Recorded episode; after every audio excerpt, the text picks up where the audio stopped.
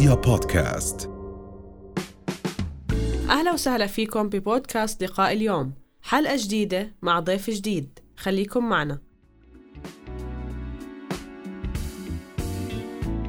اليوم أنا حاسة إنها فقرة كتير مهمة لأنه عم بصير المشاعر السلبية عم تنتشر وكأنها شيء معدي نعم. فهي مزبوط رح نعرف هلأ كيف بتأثر على صحتنا بس كمان عم بتأثر على مسار حياة. حياتنا وإنتاجيتنا وبنضلنا بعدين بنصير عايشين بحلقة آه، مغلقة هلأ نعم. فلا رح أبدأ من عندك آه، دكتور خلينا نحكي بشكل عام تأثير المشاعر السلبية النكد يعني خلينا إحنا نسميه باسمه الصحيح النكد لأنه شيء مفتعل مش يعني عن جد صحيح. حزن بيستحق ال- الألم آه، فبنقول النكد شو بيأثر على صحة الإنسان بشكل عام؟ ونيجي بعدين للقلب بشكل خاص. اليوم آه، يمكن بدنا نحكي بموضوع آه، يعني معظمنا بمر بحالة نفسية أو بي أو بيشوف أخبار سيئة بشكل دائم دائم أو بتعامل مع ناس سلبيين بيعطوك طاقة سلبية. فإحنا بدنا نحكي اليوم عن أثرها آه، السلبي على صحتنا وعلى صحة القلب. وهل إنه بس تحكي مثلا عندي وجع بصدري عندي وجع بقلبي قلبي وجعني هل فعلا ممكن يساوي لك مرض في في عضلة القلب؟ أو ممكن يكون سبب في أحد الأمراض المزمنة اللي ممكن تصاب فيها؟ فهو فعليا آه، آه، الدراسات أثبتت إنه ممكن يعمل خلل في عضلة القلب ممكن يسبب فشل في عضلة القلب ممكن الشخص يصير مريض قلب مزمن بسبب الزعل أو النكد. فعشان هيك آه، آه، اليوم أحد الأشياء اللي ممكن آه، نحط سبوت عليها اللي هي متلازمة القلب المكسور. نعم. يعني هو من اسمه بيعطيك آه، وحي إنه هو تعرض لصدمة على الأغلب عاطفية حزن شديد اكتئاب آه، نكد. ادى آه، لانفطار القلب ويؤدي إلى فشله أو العمل بطريقة آه، آه، خاطئة تؤدي إلى فشل عضلة القلب. نعم نعم. دكتور يعني عفوا ست هلا بدي بس أكمل مع الدكتور على هاي الفكرة فكرة الفجأة والصدمة وفكرة المزمن. لأنه حضرتك ذكرت شغلتين وهم بجوز إحنا كلنا بنعرف إنه مثلا واحد ممكن يتعرض لصدمة عاطفية معينة يفقد عزيز لا سمح الله أي صدمة معينة بصير معه سكري مثلا. نعم. فجأة في نفس اليوم. أو يتعرض ل آه، يعني لجلطه مثلا أو يتعرض لذبحة قلبية أو يتعرض لأشياء مسمياتها أكيد الطبية والعلمية مختلفة. ولكن شرط تيجي فجأة ولا ممكن الحزن المستمر الصغير اليومي يعمل هذا الخلل؟ هلأ إحنا آه، آه، بنخاف دائما على الأشخاص من ال- آه، الاصابه إصابة الصدمة النفسية اللي ممكن تؤدي لانفطار القلب والإصابة اللي في مت- بمتلازمة القلب المكسور اللي هي ممكن تؤدي لفشل عضلة القلب. أما بالنسبة للأمراض المزمنة مثلا ممكن حدا الأخبار التدريجية دائما بتؤدي للأمراض المزمنة، يعني حدا عنده genetic مثلا السكري والضغط ولكن مش ظاهر عنده. فالاكتئاب وال stress والزعل والأشياء اللي هي تدريجية ممكن تؤدي لظهور هذا المرض بشكل أسرع. يعني على سبيل المثال أنا عندي genetic ممكن يصيبني مرض السكري. على سبيل المثال هلا معظمنا في الوطن العربي على فكرة معرض للسكري والضغط آه، كجينيتك ولكن انت بتحافظ عليه بالرياضة بالصحة بالحياة السليمة بالإيجابية. ولكن السلبية والنكد والزعل ممكن يؤدي لظهور هذا المرض بشكل أسرع. فهو بتحكم بالهرمونات اللي ممكن تؤدي ل ل- مثلا زي السكري. آه، ممكن ال- آه، الأدرينالين تتحكم ب- ب- بهبوط الإنسولين وبالتالي يصير عندك مقاومة له ويظهر مرض السكر. فهو هو الأشياء التدريجية ممكن تؤدي لظهور الأمراض المزمنة ولكن الصدمة ممكن تؤدي إلى اللي هي المتلازمة اللي حكينا عنها أو ممكن تؤدي إلى الوفاة في بعض الحالات. طيب ست هالة رح أجي إليك أم، يعني نحن يعني زي ما تفضل الدكتور إنه لازم يغيروا نمط حياتهم نعم. ولكن لحتى الواحد يغير نمط حياته بده يغير نظرته. نعم. فهلأ أنا سؤالي لك إنه هالناس اللي دائما عندهم مشاعر سلبية كيف عم بتأثر على نظرتهم للحياة؟ نعم. شكرا لك سترندا. ويعني أنا بدي أستكمل حديث الدكتور. إيه إذا بدي أحكي أنا إيش تعريف الصحة زي ما عرفتها منظمة الصحة العالمية بشكل بسيط هم بيحكوا هي السلامة البدنية والعقلية والاجتماعية. تمام؟ أنا هون بدي أحط خطين تحت العقلية. تمام؟ كيف أنت قادر تضبط حياتك بشكل عام؟ هلأ جميع الأشخاص على مختلف مستوياتهم الثقافية والاجتماعية والاقتصادية والعمرية جميعنا إحنا عم نتعرض بشكل يومي لتوتر وقلق وهذا كله إحنا بالنهاية إحنا بنحكي عنه نكد. بس هي فعليا هي عبارة عن تراكمات. الأوضاع الاقتصادية مع الاجتماعية مع آه، قلق مع توتر. ويمكن هذا أكثر يعني ليه بيختلف الأشخاص بتقبلهم لهذه الأمور أو كيف تعاملهم مع هاي الأمور. ب- بشكل بسيط يعني يمكن في إحنا موضوع الجينات تمام؟ في شغلة ثانية هي الكيمياء الدماغ يعني بتختلف من شخص إلى آخر. الظروف الاجتماعية السابقة اللي مر فيها الطفولة كل هاي عبارة عن آه، آه، أمور بتخلينا إحنا كل شخص يتعامل مع الضغوط بشكل مختلف تماما. وللأسف يعني إحنا اللي عم نشوفه إنه مع آه، رتم الحياة السريع كثير ناس عم بيشعروا بهاي المشاعر من وقت إلى آخر. وللأسف لغاية الآن إحنا ما عندنا ثقافة إنه الشخص يتجه للطبيب النفسي تمام؟ آه يعني هو الوا... الشخص ممكن يوجعه أصبعه الصغير بروح مباشرة للطبيب الطبيب العام أو طبيب الاختصاص بس هي كيف بتأثر لكن على على مسار حياته نظرته للحياة؟ هلأ بتصير للأسف النظرة سلبية تماما. أوكي. حتى إذا إنه مثلا بدنا نطلع مشوار إذا إحنا بدنا حتى على مستوى إنه يعتني بنفسه كل هذا الإشي للأسف هو عم بياكد بيأثر عليه بطريقة سلبية تماما. وهون بدي أحكي يمكن عن عن عن المواضيع اللي عم نحكيها زي الاضطرابات سواء كانت القلق التوتر وما إلى ذلك. في أكيد حضرتك بتعرفها اللي هي دراسة تمت بألمانيا بميونخ. هاي دراسة تمت لمدة عشر سنين. كانوا يحكوا إيه، عملوا دراسات عن الأشخاص اللي توفوا جراء أمراض القلب. طلع منهم بعد ما إنهم شافوا تاريخ المرض تبعهم 15% منهم كانوا يعالجوا من كانوا يعانوا من موضوع الاكتئاب. يعني لو هدول الأشخاص تم دراسة وضعهم ومعالجتهم كان ما وصلوا لهاي المرحلة وتأزم عضلة القلب عندهم ووصلوا وما إلى ذلك. فإحنا لازم نمسك الخيط من البداية. أنت إذا بلشت فعليا تشعر بمشاعر سلبية بحياتك. في إشي غلط بتحس مش قادر أنت تتكيف مع الأشخاص مش قادر يعني ما في جودة للحياة تمام؟ يعني أنت ما عم في يعني رتم معين للحياة فأنت بتحس حالك لا أنت بعيد عن هذا الموضوع. فلازم أنت تلجأ لأنك في طبعا طرق معينة إحنا ممكن نلجأ لها إذا ما زبطت بعض هاي الطرق لازم نتوجه للأخصائي النفسي. وللأسف أنا عم بحكي لغاية الآن إحنا ما عندنا هاي الثقافة.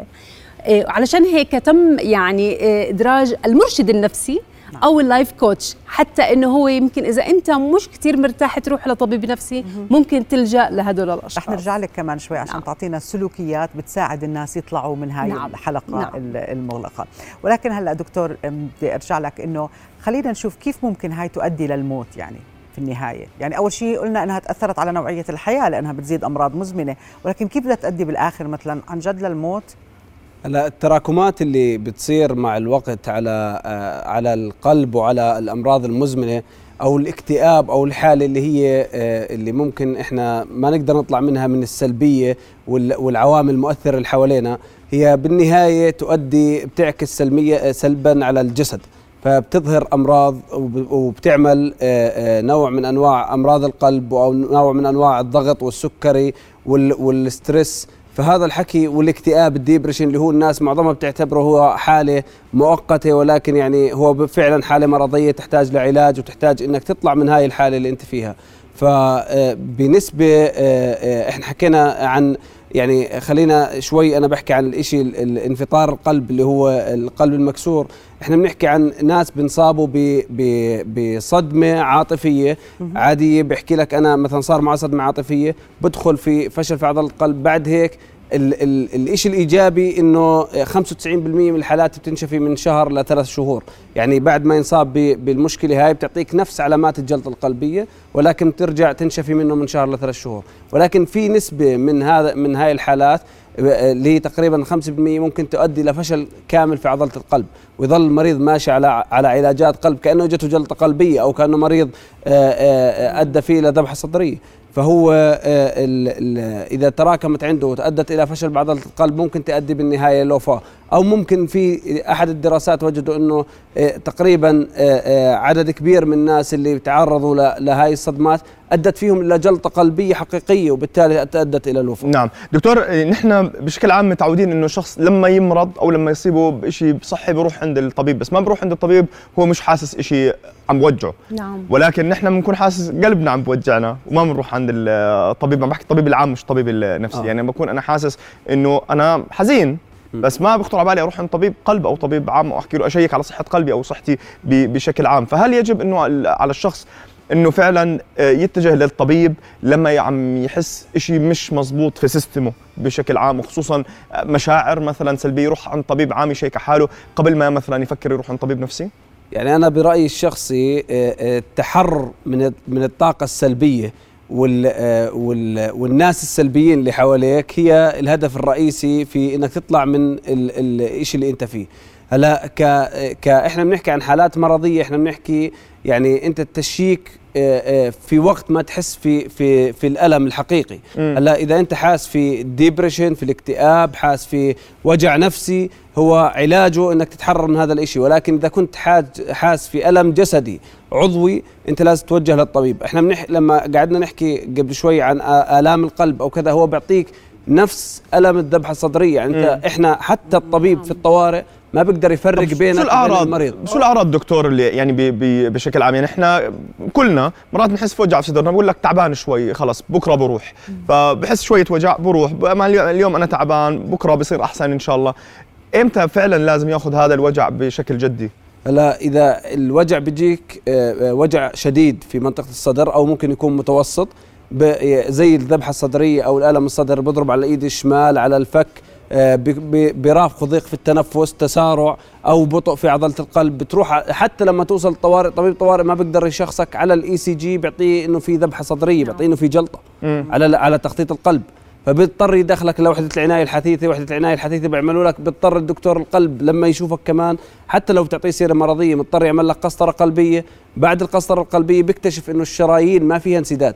آه. يعني الشرايين متحررة ما فيها انسداد ولكن في مشكلة في عضلة القلب صارت في ترهل في منطقة قمة القلب هو السبب الرئيسي اللي عمل عندك المشكلة هاي.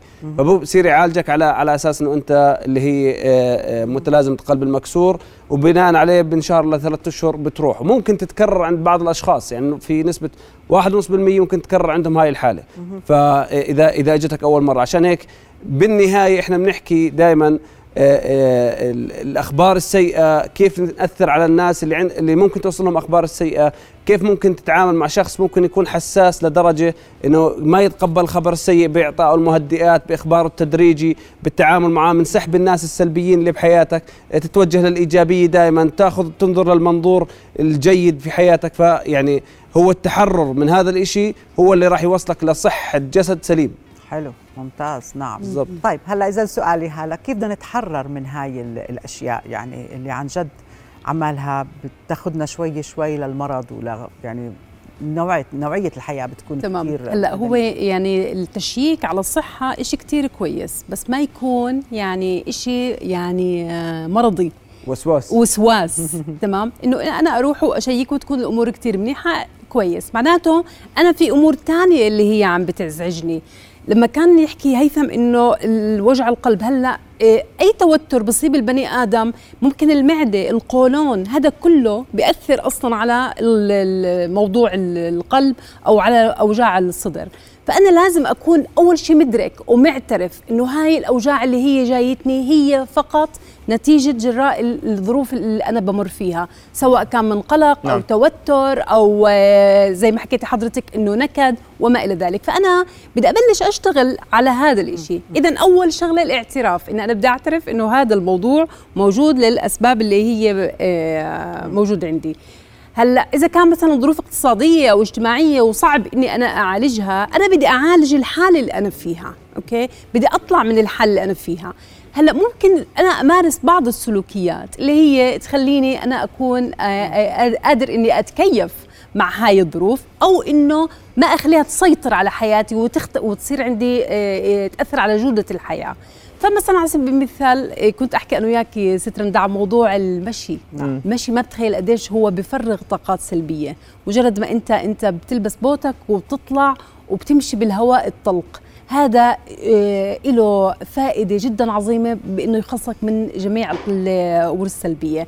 شغلة ثانية يعني سواء كانت الرياضة سواء حكينا عن المشي أو الرياضة بأماكن معينة قد إيه بتعمل تفريغ للطاقات السلبية؟